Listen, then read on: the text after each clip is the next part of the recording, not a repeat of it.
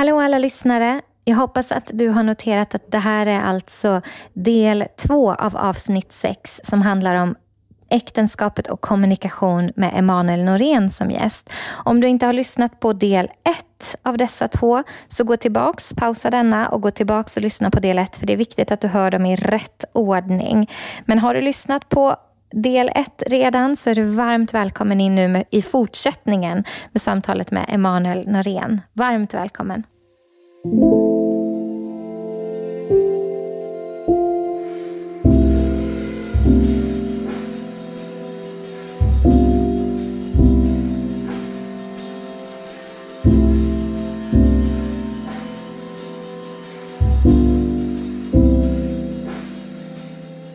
Men när vi pratar om, om, om kommunikation, Mm.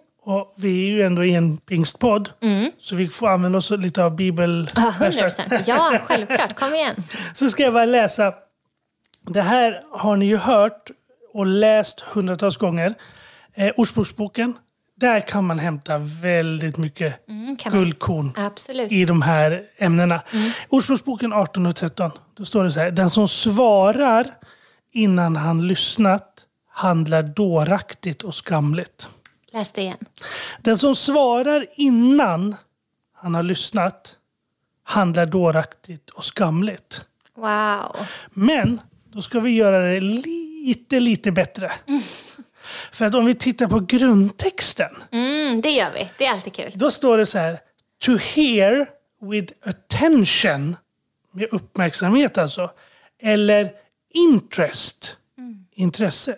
Så den som svarar innan han har lyssnat med uppmärksamhet och intresse handlar dåraktigt och skamligt. Wow.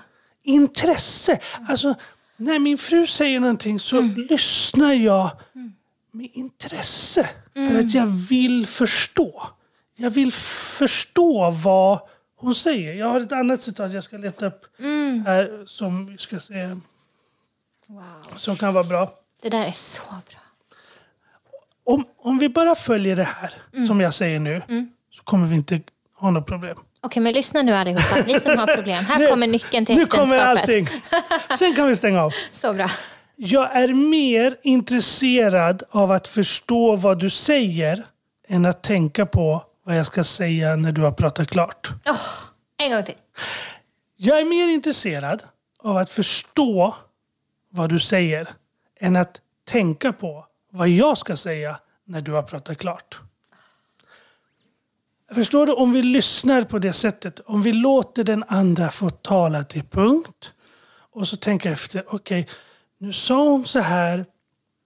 Jag märker att det finns en känsla av oro här. Eller något. Om jag lyssnar för att förstå. Än att jag sitter och funderar på hur jag ska ladda pistolerna. Så att liksom, när hon precis har sagt punkt så bara skjuter jag av mina liksom, repliker. För att det kan ju vara så som det är är hemma hos oss. Jag är säljare, jag är ju liksom utbildad att prata. Jag tar betalt för att prata. Min fru hade inte alls det hemifrån när hon kom. Jag vann ju alla mina alla diskussioner. Det fanns ju inga diskussioner som hon kunde vinna. Även om hon hade rätt så fanns det alltid en bakdörr som jag kunde smita ut genom. Och jag märkte ju efter ett tag att det, det funkar inte. Jag använde det mot mina vänner, jag använde det mot henne och hon var väldigt, väldigt ledsen. Så under en period så slutade jag faktiskt som säljare. Bara på grund av att jag kände att jag kan inte hantera det här. Det, det, blir, det blir inget bra. Det förstör vår relation. Jag kan inte liksom jobba på det här sättet. För det, det, det ger ingen livsfrukt. Eh, för att jag kunde alltid komma...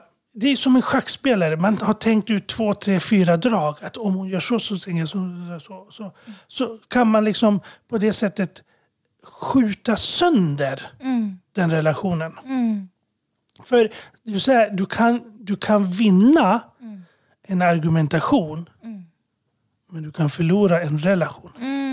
Så bra. Så att vad är viktigast? Att vinna varje argumentation eller att bevara relationen?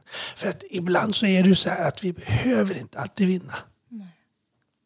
Alltså vi behöver inte alltid få våran rätt igenom. Mm. Alltså, vi kan släppa på vissa saker. Nu, nu pratar jag till mig själv också. Ja, alltså, man jag, är lyssnar. så, jag lyssnar för att förstå. ja, men man är ju så. Man är ju så. Man liksom vill alltid ha rätt. Man Mm. vill alltid få sin sak igenom.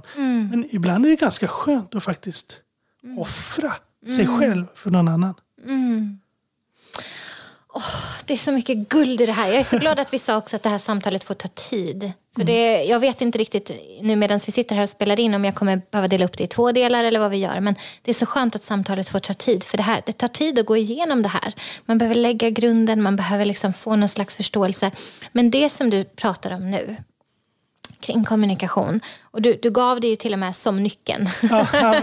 Och jag tror att det är så. Därför att kommunikation det går in på alla de andra områdena i äktenskapet. Kommunikation går in i vår ekonomi, kring vårt eh, samliv och kring sex och kring, kring liksom, eh, eh, barnuppfostran, kring eh, eh, ta hand om hemmet, kring hur vi liksom, i relation till våra vänner, kring människor runt omkring oss. Alltså hur vi förhåller oss till din familj, till min familj, hur vi förhåller oss till kyrkan, eh, hur vi i grupp, när, när jag och Viktor är i grupp, vi är ju superolika som personer. Alla som känner oss vet att vi är jätteolika.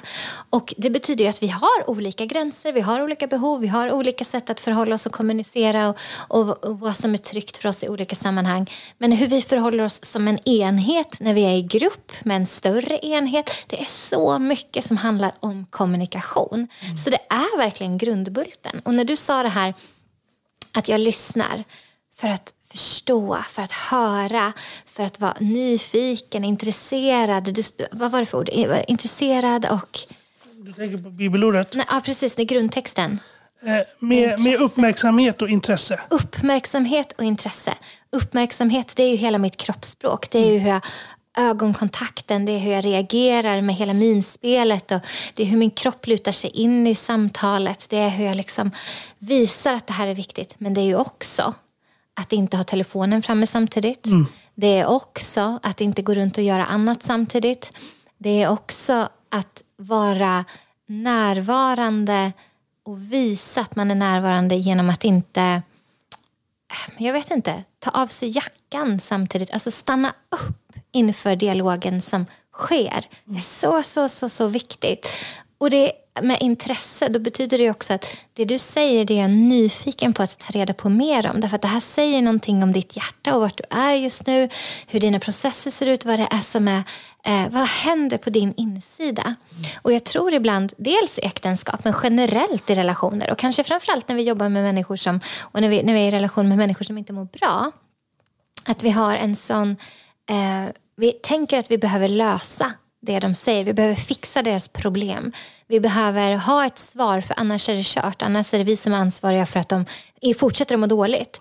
Och tillämpar vi den pr- principen i äktenskapet och sitter och lyssnar och lyssnar och säger men när han säger det där, att det där har jag någonting, där har jag en hållhaka och det där, det där ska jag utnyttja emot honom och det där, du, du, du, du. Nu, men du sa Viktor, jo för du sa, du, du, du, du. Alltså det finns ingen förståelse, nyfikenhet, intresse eller att försöka höra hjärtat bakom i en sån dialog. Men om jag bara istället är så här, jag behöver inte veta hur jag ska svara. Men det första jag ska göra när du har pratat klart, det är att visa att jag har förstått vad du sa. Att jag visar att jag har hört vad du sa och att jag är nyfiken och intresserad av vad du sa. Eh, att liksom, när, när du sätter punkt, att ge det några sekunder, för det kanske fanns mer som du ville säga. Och det kanske fanns mer som du behövde säga, men som du behövde ett andetag för att kunna hitta. Men sen när jag vet att det är punkt på riktigt, att säga, det låter som att du, jag upplever att du säger att. Det jag hör dig säga är, eh, jag är så ledsen att Menar du? Menar du att, när du säger det här så förstår jag inte riktigt.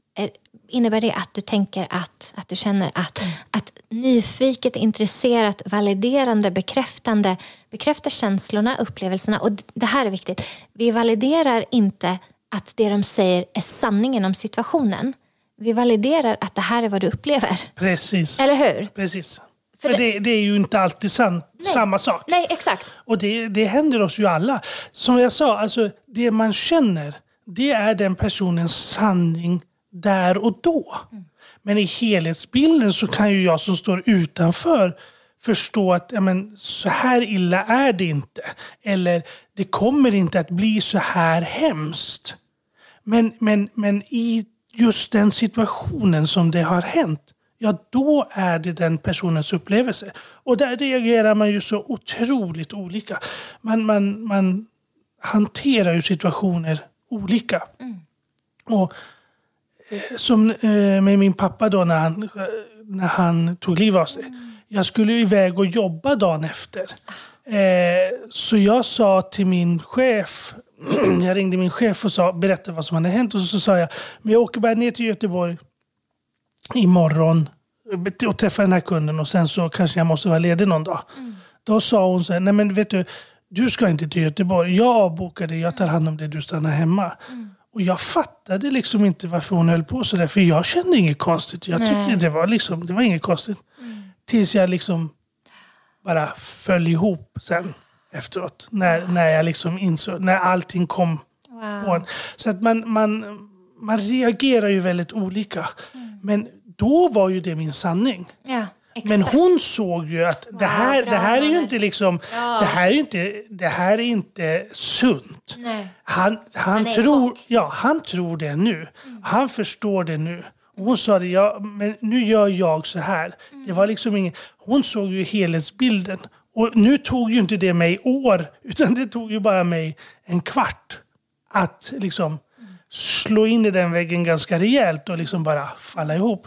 Eh, och det är samma sak här. Man, man, man, man tycker att man resonerar så otroligt bra och allting man säger är sant. Och jag kommer aldrig komma ur det här. Nej, jag förstår att nu ser det väldigt tufft ut. Det ser ut som att den här gropen som du sitter i är alldeles för ljus. Men jag har sett andra människor som har varit i liknande situationer.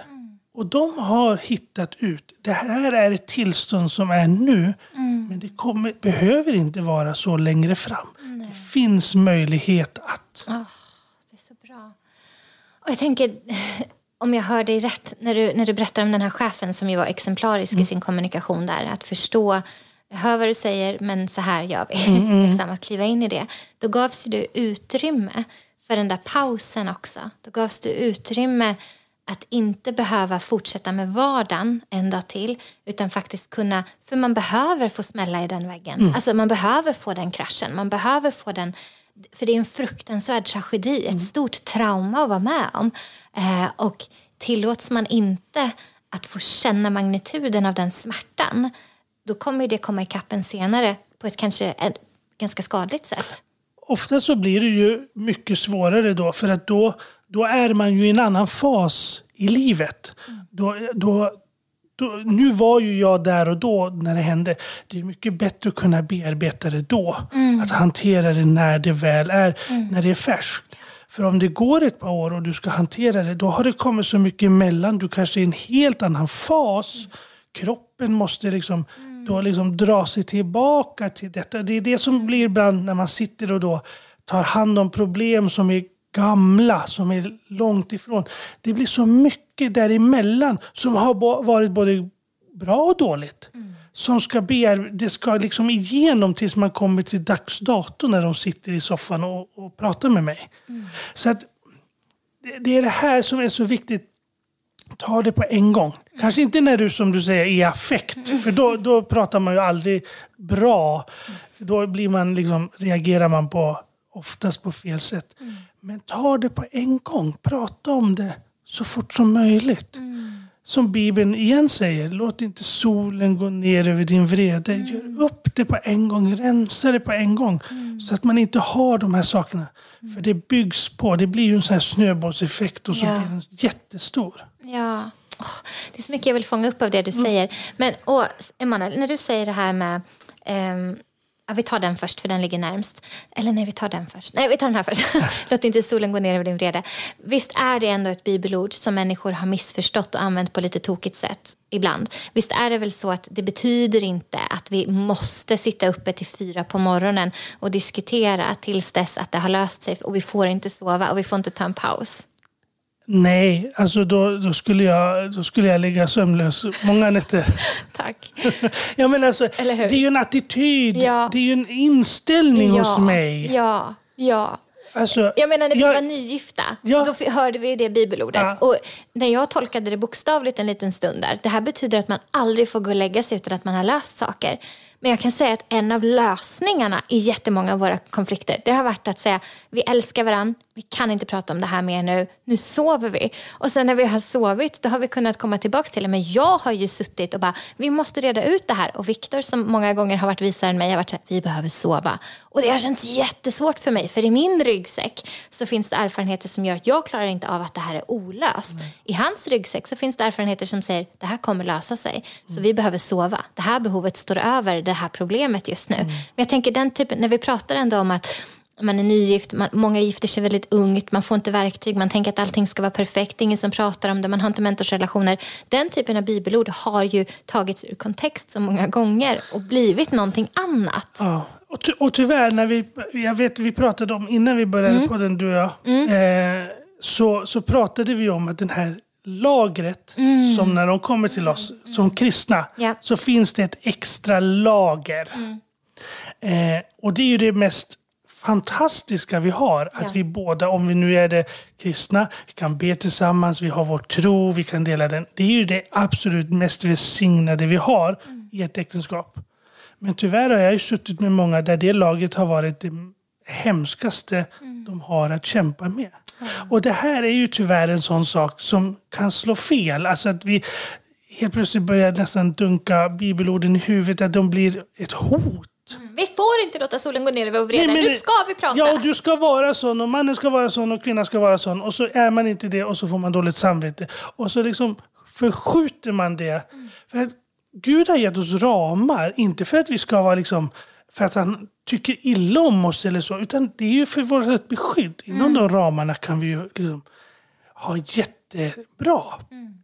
Men, men det här bibelordet tyvärr används ju lite så. Men det är ju en attityd. Jag Ja. vill inte liksom, jag vill inte att det ska gå för länge för att göra upp det här med Nej. dig. Nej. Men jag menar, jag, nu syns det inte det i podden, men jag räcker ju upp handen att jag är den första att erkänna. Jag menar, det, det är också en sån här eh, kliché att, att kvinnor är så långsinta. Mm. Då är jag otroligt kvinnlig. Jag, kan, jag är nog den som är mest långsint i mitt Jag kommer inte uttala mig om hur det är i vårt äktenskap. Nej, för att jag är väldigt långsint. Jag kan ha väldigt svårt att släppa saker. Och som jag sa, då skulle jag ju aldrig få gå och sova. Nej.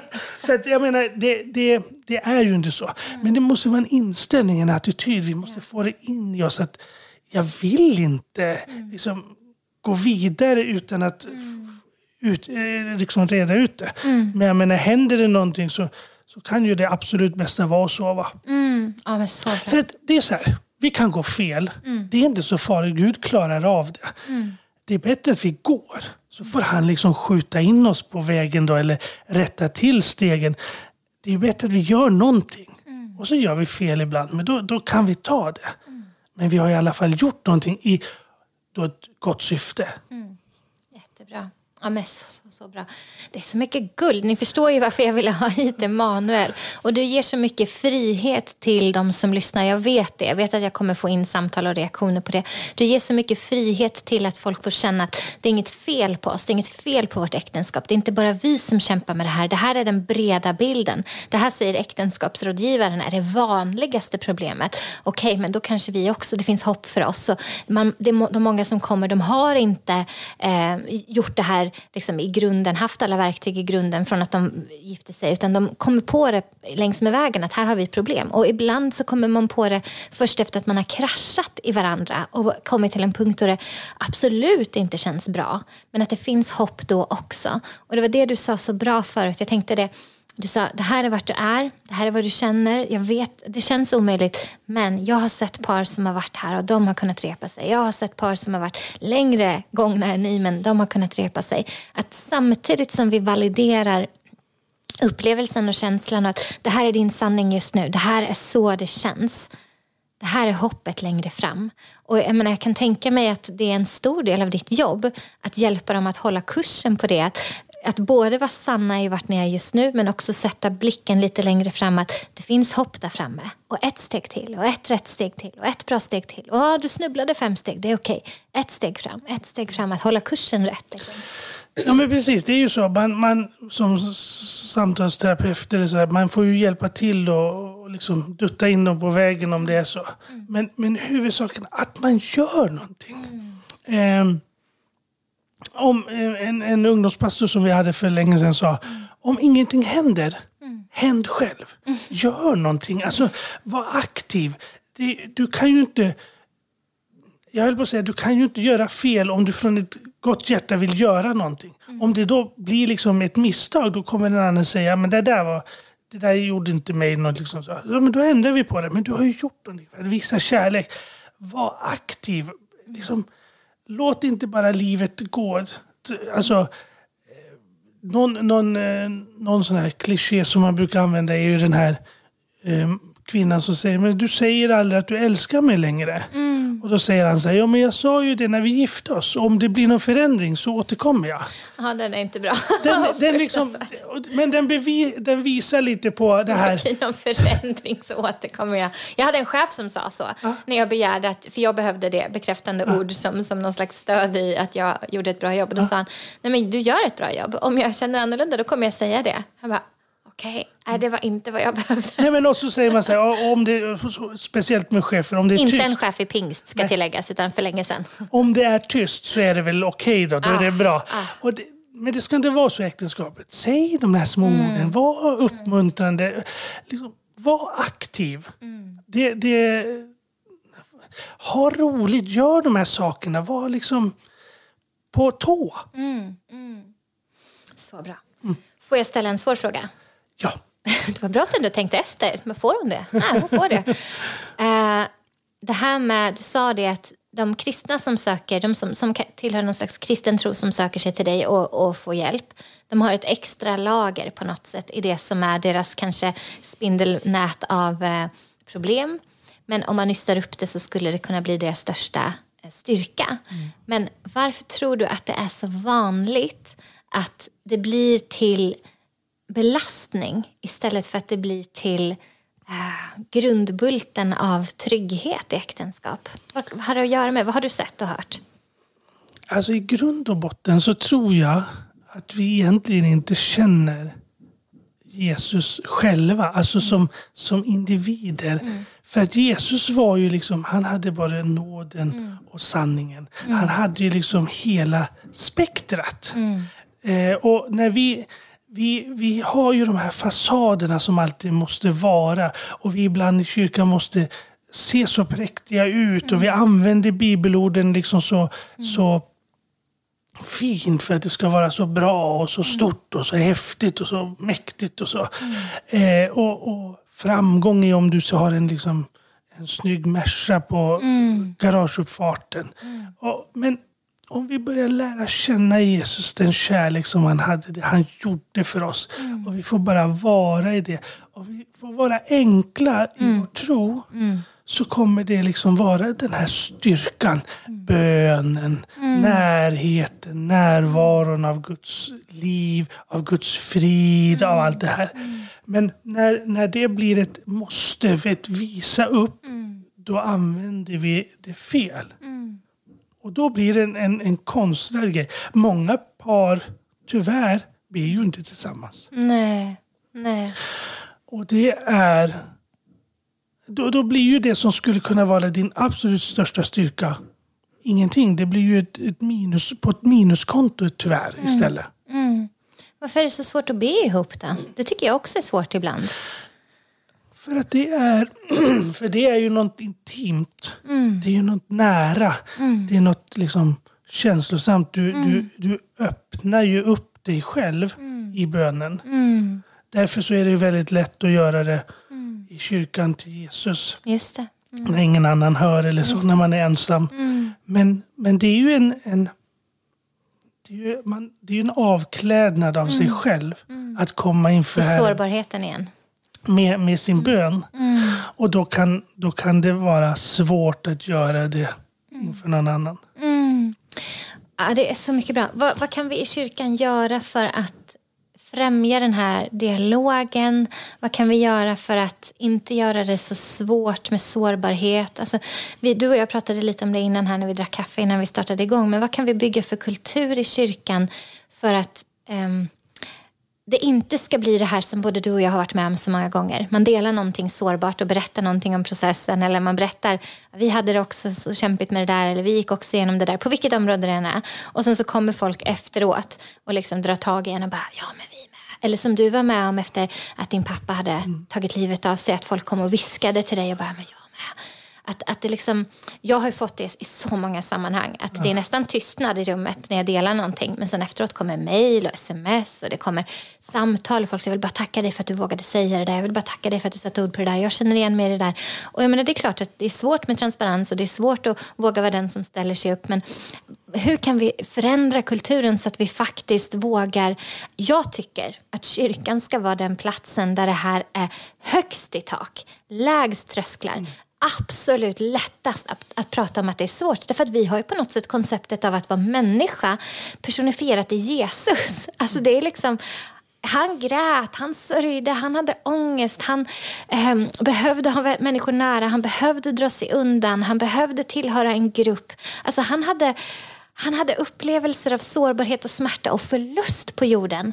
Och ändå kunde han ha den här konstanta kopplingen till pappa Gud och veta att han är inte ensam. Han kunde säga om det går, låt mig slippa, men inte min vilja din. Utan, mm. Men han vågade säga, min sanning är nu att det här gör så ont, mm. jag vill inte, men jag vet att hoppet, både känslan och hoppet. Varför har vi så svårt att, att leva ut det livet? Jag blir så frustrerad på det här, för jag tycker att sårbarhet är så viktigt och jag själv jobbar ju med det, jag kämpar med det och det, åh, det är jobbigt. Varför Emanuel? Hjälp oss. Nej, men vi kanske skulle bli kristna på riktigt. Oh, Berätta mer. Nej, men alltså, alltså, ju mer du känner den här personen som du nyss satt och berättade mm. om. Jesus. Så kommer du att bli lik honom. Men vi, alltså, vi måste... Alltså, ofta så blir det du och jag som, som har de här, vi, mm. liksom, de här frågorna brinnande. Vi är kanske transparentare än mm. andra. Men alltså ledning och pastorer måste våga vara transparenta. För jag tror att ofta så finns det en fruktan i mm. att då kommer de inte ha något förtroende för mig. Oh, ja. Och tyvärr så tror jag att det är helt tvärtom. Mm. För jag och min fru vi, vi bestämde oss när vi började resa att eh, med de här frågorna, att när vi pratar om det, ska vi vara transparenta, berätta sådana här saker. Och, och utan att överdriva, varje gång har det mm. kommit fram folk, just som du säger, och mm. säger Åh, vad skönt att du sa så. Mm. Skönt att ni vågade vara öppna. Ja. Det gör att jag förstår att jag inte är knäpp eller jag är inte konstig eller så. Vi är inte konstiga. Mm. Men det måste upp på estraden. Mm. Alltså, när man hör en pastor eller predikant ja. säga vet du, jag kämpar med det här. Mm. Du vet, då blir ju öronen till elefantöron. Alltså han, om han kämpar med det här, eller om han har liksom jobbat med det här och Gud använder honom ändå så mycket. Och till och med trots och det vill jag, och mm. det vill jag ha. Mm. Det är ju motiverande. Mm. Det är ju styrka, det, är ju, det inger ju tro. Mm. Än att om jag ser den här personen mm. som är helt perfekt mm och som ska ha äktenskaps liksom, ja, undervisning för mig. Och så vet jag att men vet du, det finns ju ingen skäl, jag behöver inte lyssna för jag, jag har ju redan, ja. jag är redan liksom diskvalificerad från början. Vi har ju redan kastat våra ja. glas på varandra och Exakt. vi har ju redan skickat stekpannan. Och vi har ju mm. liksom, alltså du vet, vi är ju redan diskvalificerade redan. Ja.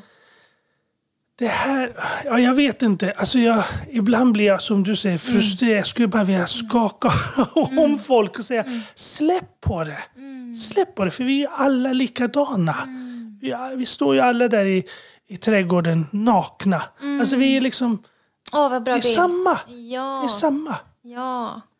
Och det värsta är ju, om man tittar på det, det värsta är ju att vi liksom försöker ju lura Gud. Alltså, Gud ser ju att det är ju Det har jag inte, aldrig gjort. Det är ju liksom inte riktigt sådär. Det är ju inte så. Jag kan, jag kan ju gå upp på scenen och lura dig. Jag, jag kan ju sitta här och, och, och spela, ja, ja. ha en fasad, du tror på mig och jag kan vara liksom trovärdig. Men om jag inte är det så Gud där uppe, han vet ju om det. Han kommer ju liksom nagla mig när jag sätter mig i bilen och säger Emanuel, det här var inte bra. Du skulle faktiskt ha varit sannings... Alltså förstår du? Ja, ja. Vi kan inte lura Gud. Vi kan lura människor och vi kan liksom fejka våra Mm. liksom fasader. Men, men Gud har ju skapat oss så han vet ju precis vad, vad Mm. som pågår. Alltså det där är så, så, så sant. Och jag skrattar för igenkänningen. Hur många gånger man har suttit i ett sammanhang och sen så går man därifrån och så inser att jag lurade inte bara människorna. Jag lurade även mig själv och jag lurade även Gud därför att jag inbillar mig på något sätt att Gud inte redan vet det som gör ont. Alltså hur många gånger man har fått frågan, är, är det bra? Är allt bra? Absolut, allt är bra. Och så hör man den där inom sig, allt är inte bra. Nej. Det är världens sämsta fråga, är allt bra? Varför frågar vi så? Det är så otroligt mycket knasigt med vårt språk och hur vi formulerar oss till varandra. Men jag, jag brukar säga det i, i andra sammanhang kring psykisk ohälsa och kring relationer generellt, att, att liksom se människor rätt och allt det här. Att se Gud rätt. Att Jesus vet om vad det är att leva och förhålla sig till smärta och förlust. Att det är en del av den mänskliga upplevelsen. Vi behöver inte Alltså vi behöver bli bättre på att kommunicera Jesus som både den som vrålar åt vågorna och säger tig och tyst och stillar stormen och den som sover i båten. Både den som eh, vadå, gråter med Maria när Lazarus har dött, att känner den smärtan och förlusten så enormt mycket att han gråter och den som går in och säger stig ut liksom, och gör miraklet. Både den som våndas och gråter blod och har ångest i trädgården och den som med liksom fullt mandat över allt som existerar säger det är fullbordat. Hur, hur kaxigt är inte det att säga det är fullbordat? Vad de orden har förändrat allting därefter. Både den som, ja men jag vet inte, vi behöver ha en bättre bild av Jesus som någon som kan relatera till vår smärta och till det som gör ont och till vår sorg och till vår förlust och till våra tårar och till våra skratt. Alltså hur mycket inside jokes är inte i Bibeln? Alltså man läser Bibeln utifrån att Gud på riktigt är personlig. Hur många gånger, alltså jag tänker på den här när de ska hitta, nu kan jag inte alls hitta vart i Bibeln det står, men du vet eh, när de fiskar och de behöver pengar till någonting och det finns guldmynt i fiskens mun. Alltså det är helt absurt. Men det, jag kan tänka mig att Jesus bara, skojar den här. Det här kommer relatera till varandra. De kommer känna att vi kopplar och det här kommer vara ett kul skämt. Och jag kan tänka mig att de satt runt lägerelden så många gånger och bara, alltså kommer du ihåg Jesus när du gjorde guldmynten i fisken? Och det är personligt. Gud vet, Gud ser och Gud är inte rädd för vår smärta. På korset så valde vår Gud att kliva ner i vårt absoluta mörker. Platserna vi vill gömma, platserna som vi känner skuld och skam och ångest och eh, det där som vi absolut inte vill att någon endaste annan människa ska se. Han valde att kliva ner i det och säga här älskar jag dig. Här är ditt största misslyckande. I det som du inte ens berättar för den du är gift med. Här älskar jag dig. Mm. Det är den guden som vi har tillgång till. Det borde vara lätt för oss att vara sårbara, men det är supersvårt. Ja, men alltså, Gud klarar ju av sånt där. Han, han klarar ju av att du är arg, sur, irriterad, ledsen på honom. Ja. Han, han kan ta sånt. Alltså, du, man tänker sig, åh nu är jag besviken på Gud och så, det får jag inte säga. Men vet du, Gud klarar av det. Det, är- det är jag och pastorn som inte kan hantera att du är, säger så. Men, men strunta i oss. Utan Gud klarar ju av sånt här. Gud klarar av att man är ledsen, sur, arg och irriterad på honom. Han, han har varit med om större saker. Han har skapat himmel och jord, han satte stjärnorna på himlen. Alltså han är mäktig. Eh, och vi är ju oftast rädda att säga att vi är ledsna och irriterade, sura. Och kanske på Gud då, för att det har hänt saker. Men han kan hantera de här sakerna. Och som du sa, Jesus dog på korset. Alltså, det här är en sån otrolig källa till liv. Alltså, du kommer till korset. Du kan lämna allt. Det är det här stora bytet. När du lämnar din ilska, frustration, din sorg, din smärta. Du får hans liv, du får hans frid, du får hans styrka, du får hans glädje. Och vet du vad? Du kan aldrig ge någonting till Jesus och han blir skyldig dig.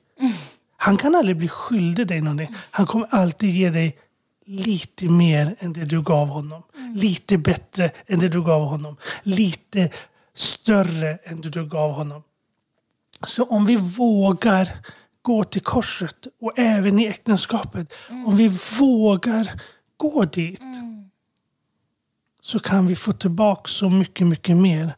Av styrka, kraft, För att du kanske sitter där och du har gått igenom de här tuffa sakerna. Du kanske mm. gjorde det för flera år sedan. Du kanske inte hade kraften att liksom vara den här fantastiska kristna. Och du kanske idag sitter med ett äktenskap som har lett till skilsmässa. Mm. Och du känner dig besviken för det. Mm. Men vet du, Gud klarar av det. Ja.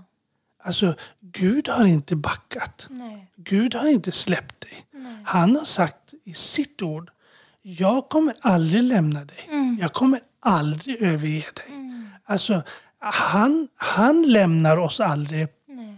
Även om vi gör fel och misstag mm. så finns han alltid där. Du kan alltid komma till honom. Vad du än har gått igenom. Och tyvärr så ofta i de här frågorna när man pratar om det. För att vi kommer ju aldrig backa ifrån vad vi tror. Och vi vill hjälpa alla att gå in och liksom ha hela äktenskap och hållbara relationer. Men när det har krasat så är det ibland folk kan känna sig liksom tilltufsade och de tror att de inte är värdiga. Men ditt värde sitter inte i det. Ditt värde sitter i att du är skapad av Gud. Ah, så bra. Du är den du är, inte på grund av de fel du har gjort eller de rätt du har gjort. Mm. Du kan inte påverka det. Nej. Du är perfekt. Ja. Och du är älskad. Mm. Och det finns en plan och ett hopp för alla. Oh, det är så bra. Det är så bra. Oh, Okej, okay. jag ska titta på våra anteckningar här Emanuel. För att jag, vi har mest tittat på varandra och pratat. liksom, för det är så fångande att prata om de här sakerna. Ja. Eh, alltså det här är så, så, så bra. Ja, vi har hållit på i... Det här avsnittet kommer vara uppdelat i två avsnitt. Det ser jag på, på klockan. För ja. vi är uppe i 1.45 här nu. Och eh, det, det, är så bra. Men jag kommer nog släppa båda avsnitten samtidigt tänker jag mig. För att det är lika bra att man får höra det som en helhet. Det, det tänker jag. Eh, så du som lyssnar känner säkert att det finns så mycket mer de borde prata om. Och Emanuel måste komma tillbaka till podden. Och det instämmer jag, det får han gärna göra. Jag har tänkt när vi har suttit och pratat och att kan vi i några minuter på slutet bara belysa lite komplexiteten. Så att de som kanske är jag menar, vi har ju vi har pratat om vikten av att det går lätt att prata om de här sakerna i kyrkan. Eh, och att, att sårbarhet kan vara okej i kyrkan och att vi har mentorsrelationer i kyrkan och att vi kopplar med människor som har gått längre än oss och sådär. Jag brukar ofta säga att eftersom jag också jobbar med våld i nära relationer i min tjänst i pingst, mm. att det är viktigt när man pratar om relationer generellt eh, och när man pratar om äktenskap generellt, att man tar en liten stund och nämner. Och därför vill jag göra det som jag brukar utmana pastorerna att göra. Att när man undervisar om liksom rätt typ av relation, om man säger så, kommunikation som är sund, hälsosamma äktenskap, att det finns hopp. Att det också är väldigt viktigt att säga att det finns saker som Gud aldrig accepterar i ett äktenskap. Våld och tvång accepterar Gud aldrig. Och är du, du som lyssnar, finns du i en situation i ditt äktenskap där det är farligt för dig, där våld och tvång förekommer, ta dig därifrån. Ta dig till en säker plats. Allt det andra kan man lösa och processa och fundera över vad man gör med sen. Det finns ingenting som, som eh, det finns ingenting av det vi har sagt som håller dig tvungen till en situation där du är utsatt för våld eller tvång. Utan ta dig ur den situationen, ta dig till en trygg och säker plats. Jag vet inte din specifika situation men du behöver inte vara i en eh, relation där du blir utsatt för våld eller tvång. Vi tycker inte att det är rätt och Gud tycker inte att det är rätt. Det finns ett bibelord som säger, jag önskar att jag hade tagit fram boken nu men jag kan referera till den sen. Det finns en bok som heter Not under bondage som är en bok som Eh, den här organisationen Restore Relationships har tagit fram som handlar om, i det bibelordet då, som boken är skriven utifrån, att när någon gör så, när det finns våld och tvång i ett äktenskap, då är äktenskapet redan brutet för det är någon som har valt det. Det betyder inte att det inte finns hopp för upprättelse, det betyder inte att det inte finns hopp för försoning, det betyder inte att det finns fall eh, där man har kunnat försonas och återförenas igen. Men är du just nu i en farlig situation, kom till en säker adress, var där, ta avstånd, ta dig ur det som är svårt och så kan vi tillsammans jobba med resten i, i relation till andra människor, i relation till eh, organisationer som jobbar med upprättelse på olika sätt allt annat löser sig. Men är du i en farlig situation så har det här samtalet inte handlat om att du ska känna jag måste stanna kvar i det och jobba på min kommunikation medan jag blir slagen. Det är inte vad vi säger.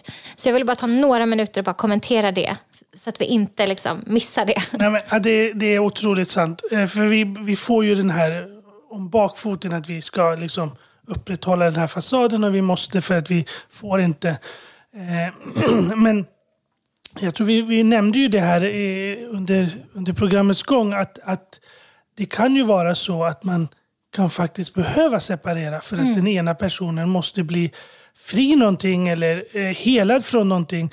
Nu pratar du om våld men det kan vara andra saker som mm. gör alkoholism eller någonting som gör att den här personen måste reda upp sitt eget liv. Mm. Och jag menar, vi har sådana par mm. där de liksom separerar från varandra mm. för att en part ska bli läkt och helad yeah. ifrån någonting. Yeah.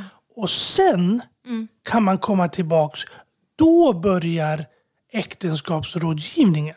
Den pågår inte under den tiden. Utan under den tiden så måste personerna bli läkta från, från det som de har varit med om. Mm eller är i. Mm. Sen kommer de tillbaks mm. och då börjar äktenskapsrådgivningen. Och då är man ju på en helt annan nivå, man är på en mm. helt annan plats, mm. man är på ett helt annat sätt. Mm. Och då får man ta det därifrån. Mm. Ja, så, att, så att det betyder inte att du ska sitta och, och medan din eh, maka eller make är liksom på rehab ska Nej. du liksom hålla på och Nej. göra äktenskapsrådgivning det funkar inte. Nej. Det går inte. För personen måste koncentrera sig på att bli... Mm. Och jag menar, finns det våld och jag menar, du eller dina barn är utsatta. Det ska inte du utsätta dig för. Du Nej. skulle aldrig göra det i någon annan relation Nej. heller. Nej, exakt. Det är menar, du, du skulle inte stå och bli slagen av chefen utan att Nej. fly därifrån. Nej. Så du måste, mm. som du sa, flytta på dig. Ja, Sen får man se när, när det väl, liksom den personen har liksom återhämtat sig, blivit mm. läkt. Eller, mm. alltså det här, nu pratar vi långa processer. Verkligen. Nu är det inte liksom från måndag till onsdag utan Nej. vi pratar veckor, månader och år. Ja, exakt. Alltså, för, för man blir liksom ofta så här, det ska gå fort mm. på alla sätt och vis för att mm. man ska liksom hålla uppe något fasad. Mm. Inte. Nej, inte. och det finns heller ingen fördömelse eller på något sätt ett eh, ett anklagande mot dig som lyssnar som har genomgått en skilsmässa. Utan du är älskad och du är värdefull och du är dyrbar. Och jag vet att det, det finns många lyssnare som, som kämpar med den självbilden kanske efter att man har gått igenom en sån livskris som en skilsmässa är. Det, det är inte heller det vi säger utan det finns alltid, alltid kärlek och det finns alltid frihet och det finns liv på andra sidan av till och med att livet går sönder totalt. Så att vi, vi, vill, vi vill egentligen bara säga det. Det kanske är så Emanuel att vi skulle behöva ha ett avsnitt där vi pratade om det, de trasiga aspekterna av saker och ting. Eller hur? Ja men absolut. Ja. Och, och, och, när Jesus möter den här eh, kvinnan som mm. är tagen i äktenskapsbrott. Mm. Hon är tagen alltså eh, på bar... Alltså, påkommen. påkommen mm. eh, liksom, när de håller på. Mm och släpas inför Jesus. Mm. Vad säger Jesus? Alltså hon, är, hon, mm. hon skulle ju stenas. Mm. Det var ju faktiskt sant. Mm. Hon hade gjort helt fel. Mm. Det var lagligt fruktansvärt. Hon mm. skulle stenas. Inte heller jag dömer. Nej, Sen säger han, du går och synda inte mer. Det går att göra rätt efter det. Men alltså, han dömde inte henne. Nej. Han dömde inte henne. Nej. Och du som sitter där och har gått igenom det. Jesus dömer inte dig. Nej. Han, han, kommer alltid döma synd. Och, alltså, han vill inte ha med synden att göra. Men han kommer inte döma dig. För ibland så mm. händer så. Och det finns ju faktiskt så mm. att det kanske inte ens var du som var den delen i processen. Nej. Så du kanske inte har påverkat mm. processen heller. Mm. Mm. Du kan alltid komma till Jesus. Han mm. kommer aldrig lämna dig. Mm. Han kommer aldrig överge dig. Mm. Du kommer alltid vara älskad. Mm. Men, men känner du att det är jobbigt, mm. prata med någon. Mm. Gå till din församling. Mm. Prata med någon själavårdare, någon pastor. Någon, någon, finns det inte så kontakta trygga familjer. Gör någonting. Gå till någon och prata. För Gå inte och bär på det själv. För det är oftast när man sitter själv och, och i sina bibelstudier och liksom är helt själv i sin... Som man de här konstiga uppenbarelserna kommer, eller de här tankarna kommer. Som man inte kanske hanterar rätt eller de kanske inte landar rätt. Nej. Utan var med någon som kan, du kan bolla med. Absolut. Men, men prata, kommunicera, var med någon, prata Mm. med någon. För det finns alltid hjälp att få. Absolut. Och eh, jag tänker att eh, vi ska landa. Men, men eh, jag säger det igen. Våld och tvång, övergrepp, det har ingenting med äktenskap att göra. Det hör inte hemma där, det är inte accepterat. Gud accepterar det inte. Och är du i en sån situation, ta det därifrån. Be om hjälp. Eh, vi håller på i Pingst så jobbar vi med ett arbete, eh, stoppa våld i nära relationer. Det finns ett church pack, det finns jättebra material för kyrkorna att ta del av. Man kan hitta det på Pingstomsorgs hemsida.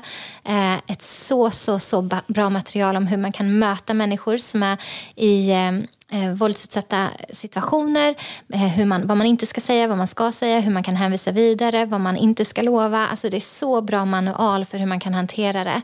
Det är ett verktyg i de situationerna som jag har tyckt har varit väldigt hjälpsamt. Och den här boken, Not under bondage, jag kan länka till den sen i i eh, avsnittets anteckningar så att ni kan hitta den. Och till Trygga familjer ska vi länka garanterat dina kontaktuppgifter Emanuel så att par kan komma i eh, kontakt med dig och hitta eh, samtalsstöd och få äktenskapsrådgivning och få hopp i tunneln som ibland kan kännas lång. Vi håller ju också på att jobba med ett äktenskapsprogram här i Pingst som du är en del av referensgruppen för att ta fram. Eh, ett äktenskapsprogram som vi har sagt ska vara just friskvård och inte krishantering utan det ska vara verktyg för kommunikation kring alla de här sakerna som vi har berört idag eh, som ett stöd på vägen eh, mot hälsosammare relationer och bättre äktenskap. Och det, det programmet kommer att lanseras inom väldigt kort. Jag vet inte exakt när vi släpper det här avsnittet Emanuel så det kanske redan är i full Kanske gång. finns, ja. Det kanske finns. Så då får vi säga så här, om du lyssnar på det här, gå in och, och, och prova på det, för det är fantastiskt. Mm. Jag kom ju in utifrån. Det, det, alltså jag, hatten av för det arbete som har gjorts. Alltså. Mm. Det, det är enormt bra. Genomtänkt, Mm. genomarbetat, helhetsbild som är Mm. enorm. Så om du är gift, har varit gift i två dagar Mm. eller 22 år. Gå in och, och, och Mm. gå igenom den kursen och det här programmet för det, det, den är fantastisk. Ja. Och, och som du säger, friskvård. Ja. Gör någonting. Ja. Var på tårna. Gör det här. Ja, men det är jobbigt. Nej, men det är inte så jobbigt. Nej. Mm. Det är liksom... Det kostar ju knappt någonting heller. Nej. Det är en, det är en eh, eh, Big Mac och Company. Ett mil. Det kan man avstå. kan man. Äktenskapsprogrammet Säker grund. Ja. Och när vi ändå nämner det så vill vi ge bara credit till Peter Wilhelmsson, församlingsgruppen Mellannorrland. Vi ger en liten applåd här i mikrofonerna. Har gjort ett enormt arbete med det här och det är jättekul för oss att få samarbeta med dig Peter. Jag vet att du lyssnar på podden.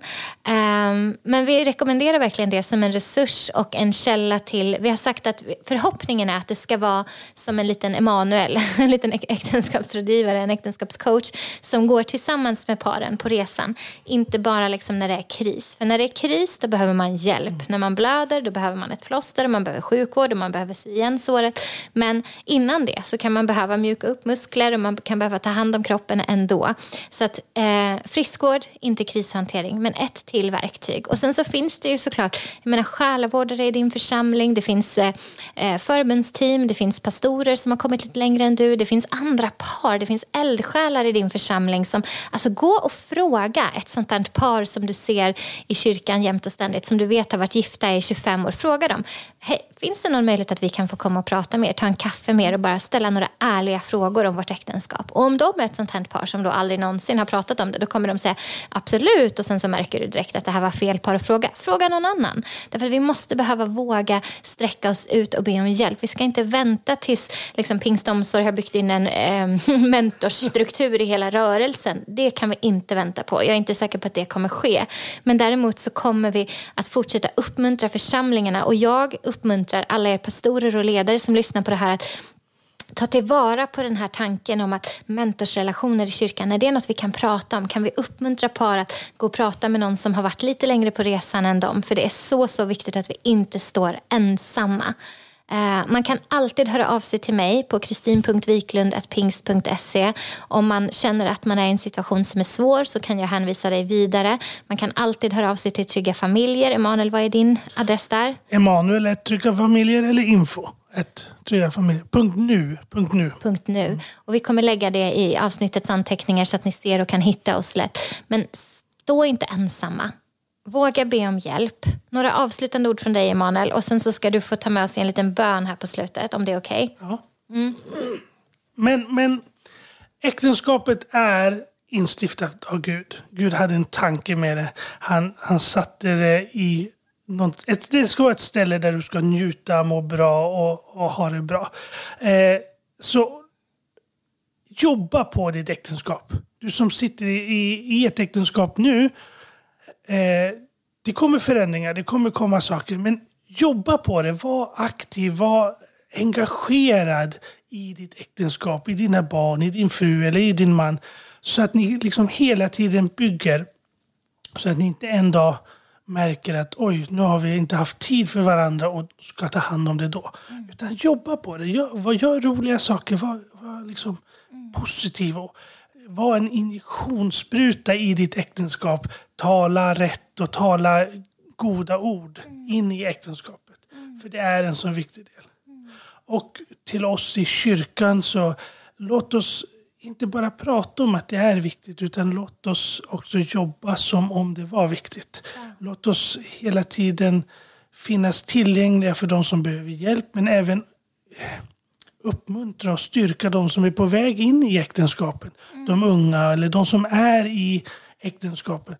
Säker grund är, säker grund är en fantastisk hjälp i detta. Eh, men också prata, och som du säger, prata med folk som har varit gifta engagera flera stycken. För jag tror många skulle må bra av det. När man pratar om det här och hjälper varandra så blir man styrkt själv. Mm. Mm. Och till dig som idag kanske inte är i ett äktenskap men vill, men mm. det har kanske gått för många år tycker du. Mm. Det finns hopp. Gud ser dig. Mm. Gud ser din situation. Mm. Som jag sa, han har inte lämnat dig. Han har inte övergett dig. Det är kanske inte roligt, det förstår jag, det kan vara tufft.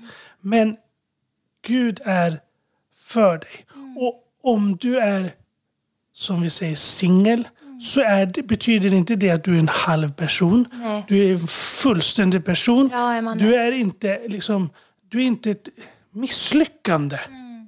För att vara i ett äktenskap betyder inte att man är perfekt eller att man har blivit bättre än någon annan det är att jag är i en annan situation. Så att du är i en singelsituation betyder absolut inte att du är mindre värd, sämre eller ska skuffas undan. Du är precis mm. den du är, lika älskad och lika mycket skapad som oss andra. Mm, bra sagt. Bra. Så, att, så, att, så att du känner mm. Att du är värdefull. Mm. Du är värdefull och älskad för den du är. Mm. Så bra. Det var ett så bra sätt att avsluta. Det var ett så bra sätt att avsluta. Jag kom inte så nära micken där. Det var ett så bra sätt att avsluta. Jag bara lutade mig tillbaka och lyssnade. Kände mig så validerad och bekräftad i allt du sa. Vill du ta med oss en avslutande bön? Det gör vi. Tack. Himmelske Fader, vi tackar dig för att vi har fått prata om de här frågorna och de här sakerna idag i det här poddavsnittet. Tackar dig Fader för att du har lyssnat.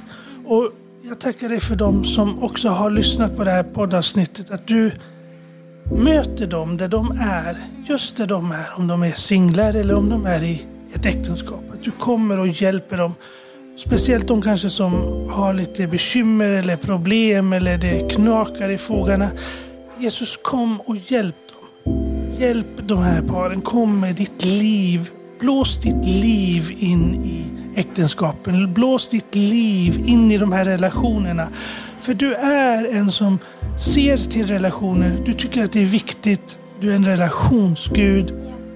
Och du kommer med din kraft att kunna återupprätta de relationerna som har brustit. Jag tänker på relationer mellan barn och föräldrar där det kanske inte alls funkar. Jesus kom och hela de relationerna. Återupprätta de relationerna. Jag tackar dig för det Fader, att du hör våra böner och du svarar på våra böner. I Jesu namn. Amen.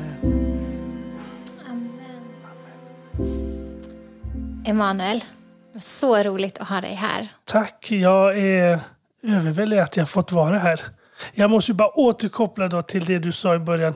Vårt första samtal som vi var. Visst är det väl häftigt Mm. att man på en gång kan klicka. Ja, Det här är ju så här med relationer fast på ett annat plan då som kollegor eller som vänner. Ja. Att man kan liksom hitta, och det här är ju styrkan med oss som kristna. Att vi liksom bara hittar varandra på ett fantastiskt sätt. vi kan bli systrar och bröder med vem som Ja, helst men det är bara så ett spännande. ögonblick. Det är coolt. Det är som att man har känt varandra i 10-15 år. Det är jättehäftigt. Det är jag är otroligt. jätteglad för det. Men Så tack så jättemycket. tack Emanuel. Och du är så välkommen tillbaka till podden. För det finns mer att säga. Mycket mer att säga, eller hur? Det är, mycket, det är många facetter på det här Mm. ämnet. Så man kan ju prata om hur mycket som helst. Men det gör vi jättegärna. Ja, så roligt. Du är så varmt välkommen tillbaka. Tack, tack. tack Emanuel. Jag har så svårt att avsluta det här. Jag vill bara fortsätta. Det finns så mycket mer att säga. Men jag behöver avsluta för nu har ni lyssnat på oss prata om äktenskap i två timmar. Eh, tack till dig som har lyssnat.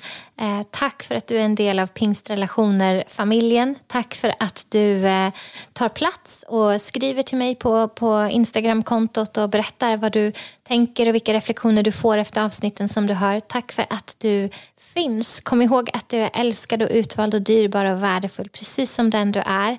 Och jag ser fram emot att mötas snart igen.